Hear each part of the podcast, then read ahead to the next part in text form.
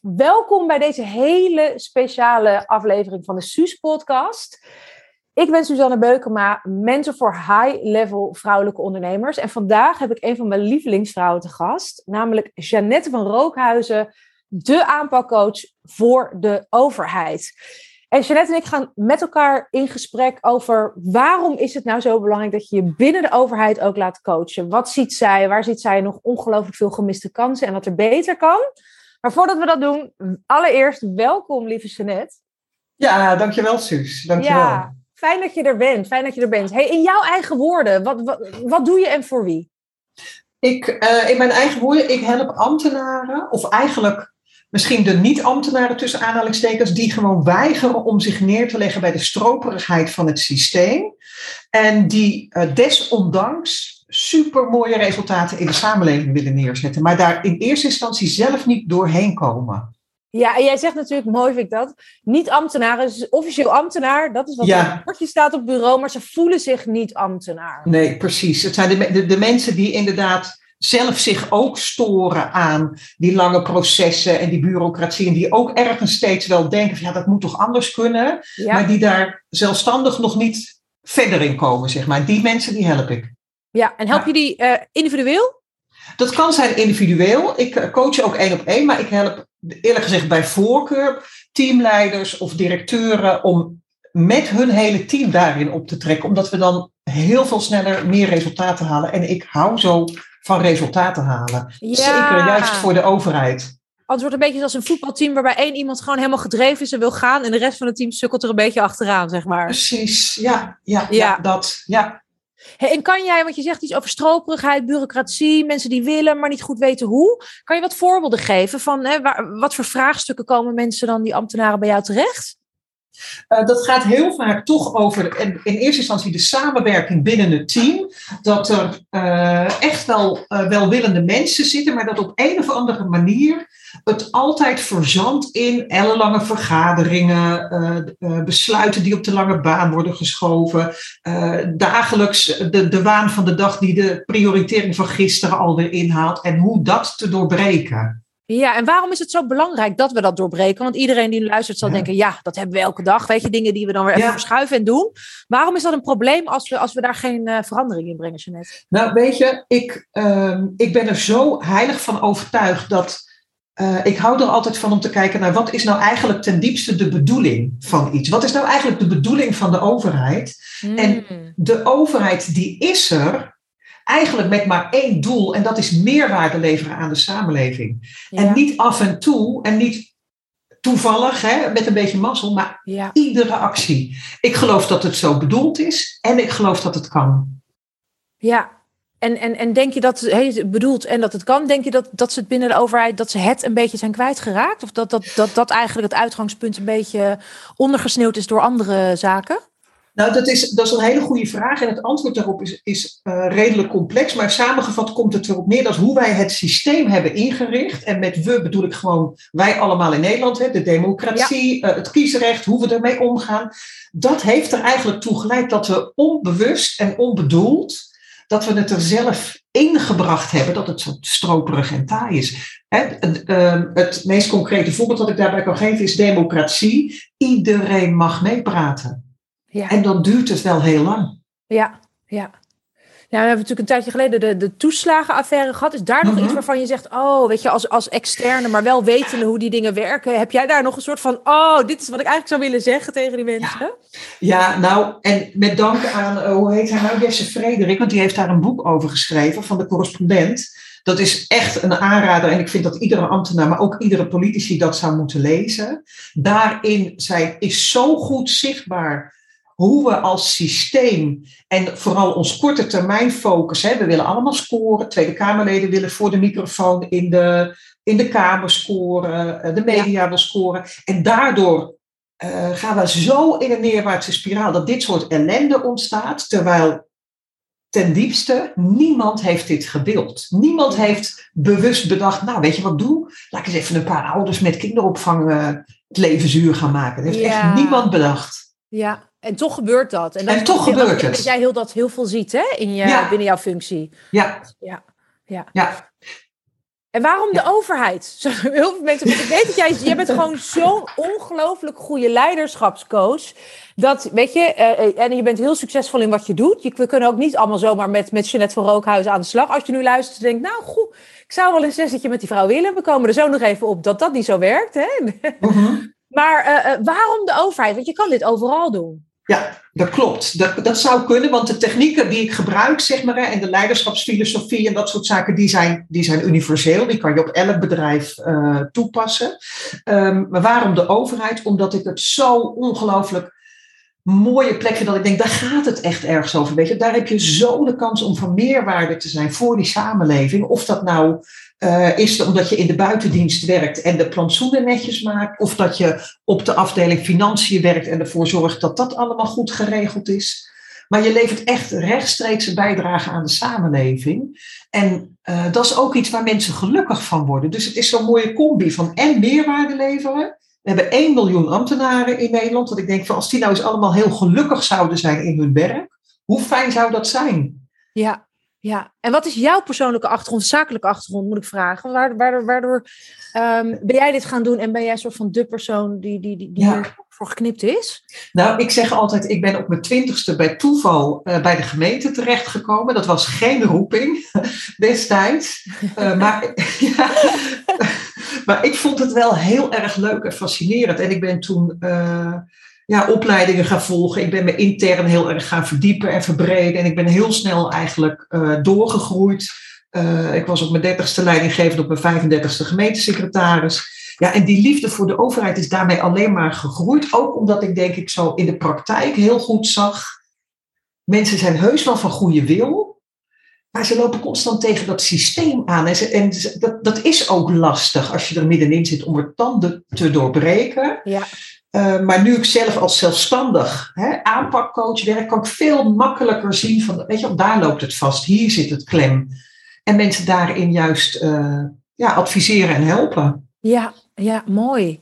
En Jeanette, wat is één ding waarvan jij zegt, nee, dit zie ik echt anders dan, dan eigenlijk alle ja, collega's, concurrenten en anderen die, die daar mening ja. over hebben? Ja, dat, dat vind ik wel een grappige dat je die vraag stelt. Want uh, waar ik echt, echt, echt een andere mening over heb, is, en daar ben ik heel stellig in ook, ik begin niet aan teamontwikkeling of aan organisatieontwikkeling voordat er een door mij goedgekeurde, inspirerende visie ligt.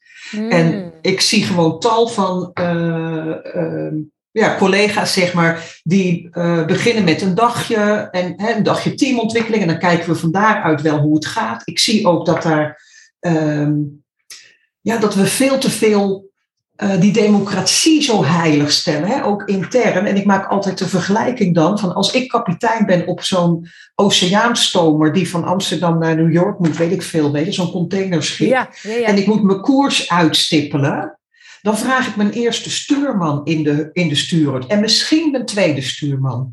Ja. Om te bepalen wat moet de koers zijn. Maar ik ga niet al die dekslabbers in die stuurhut uitnodigen. En dat bedoel ja. ik helemaal niet ja. uh, lullig of zo. Maar weet je, zo werkt het gewoon niet. Je, uh, ja, en dat doen we. Dat, we hebben de neiging, of hè, heel veel mensen hebben de neiging om dat binnen de overheid wel te doen. Om met z'n twintigen te gaan be bespreken. Wat is de visie van ons team? Ja, dat werkt niet. Ja, alleen maar een lekker poldermodel. En iedereen ja. moet een mening hebben. En ja. erover doen. Iedereen moet gehoord worden. Ja. Als, als jij en ik hè, met, met, met een gebroken been naar de eerste hulp gaan of naar de huisarts. Die gaat ook gewoon zeggen, luister, dit is wat er moet gebeuren. Dit is de visie. Dit is er voor nodig. Juist. Je gaat ook niet aan mij vragen van, goh, ben je het eens met die hechtingen? Of moet je toch een ander type hechtdraad? Of zullen we dat drie keer visie of zes keer? Dan krijg je gewoon, door de deskundige krijg je dat natuurlijk gewoon, de autoriteit krijg je dat gewoon medegedeeld. ja. ja. Ja. Oké, okay, dus, dus je vindt eigenlijk dat dan ook de, de teamleiders en het bestuur, dat, dat die meer hun, hun leiderschapsrol zouden moeten ja. pakken. En dan eigenlijk met een goede sparringpartner, zoals hè, bijvoorbeeld bij jou, het is natuurlijk heel helpend om een coach van buitenaf te hebben, zonder belang. Mm -hmm. uh, en die, die, die, die, die, die niet in de dynamiek nog zitten. Zo zeg je dat dat is echt the way to go, omdat je anders ja. op korte termijn blijft, blijft denken? Ja, klopt, klopt. Kijk, dat is ook een van die dilemma's van hoe het systeem in elkaar zit. Omdat het systeem is wat het is, hè, met steeds cycli van vier jaar uh, qua politiek, hè, qua verkiezingen. Politici hebben altijd korte termijn focus. En dat is logisch, want hè, volgend jaar maart zijn er uh, gemeenteraadsverkiezingen. Nu lopen alle wethouders alweer. Oeh, ik moet nog even scoren, ik moet nog even in de krant, ik moet nog even snel dit. Dat is allemaal korte termijn. Terwijl als je echt succesvol wil zijn en echt iets neer wil zetten, zul je ook naar de lange termijn moeten kijken. En die opgave ligt, wat mij betreft, dus bij de ambtenaren. Ja, ja, en dat is dus echt belangrijk dat, dat, dat, dat mensen ook. Dat het mensen zijn die hè, doen wat ze doen, omdat ze echt verschil willen maken in de maatschappij. En op lange termijn. En jij zegt dus van ja, dat korte termijn scoren gaat echt gewoon zwaar ten koste van de lange termijn visie en echt verandering uh, doorvoeren. Ja. ja. Helder, super helder. En jij zegt dus ook van hè, die, die, die korte sessies, nou, dat, dat, dat, dat, dat moeten we dus allemaal eigenlijk helemaal niet willen. Dat zie je te veel. Jij werkt niet op die manier zelf. Nee. Als het aankomt op, op heb ik gezegd, meer concrete resultaten halen, dat willen graag mensen ook binnen een team. Heb jij een soort van één gouden tip voor iedereen die nu zit te luisteren en die daar ook tegenaan loopt? Nou die gouden tip, dat is toch echt om te werken vanuit die visie, omdat um, zo'n visie is veel meer dan alleen maar een stukje tekst op papier. Ja. En uh, die kennis die ontbreekt heel erg, vind ik, binnen de overheid. Dus dan, dan wordt het afgedaan alsof het alleen maar een stukje tekst is. Maar een inspirerende visie maakt dat je de mensen waar je het mee wil doen, dat je die raakt in hun intrinsieke motivatie en in hun hart. En dan gaat er iets heel anders gebeuren dan wanneer mensen daar zitten vanuit de gedachte van, nou ja, weet je, ik heb een baan, het is dichtbij, uh, ik heb goede arbeidsvoorwaarden, betaald leuk. Ja, dus die, dus die visie. Ja? Ja, nou die visie is voor mij echt zo ongelooflijk de sleutel. En daar ben ik zo heilig ook van overtuigd. En ik heb natuurlijk ook al een aantal keren, of flink wat keren in de praktijk mogen ervaren hoe het werkt. Weet je, als je, ja, waar moet, ik het mee vergelijken? Het is een beetje van, uh, um, als, je, als je fitter wil worden, dan zul je moeten trainen. En zonder trainen kom je er niet. Ja, Snap en je, je dus... dus eerst ook een visie moeten hebben over hoe ziet fitter dan voor jou uit en willen we dat überhaupt allemaal wel? Voordat je in beweging komt, als de helft inderdaad niet wil of gaat ook in de weerstand gaat, dan, dan, dan kom je nog niet verder op de lange termijn. Ja. ja. ja.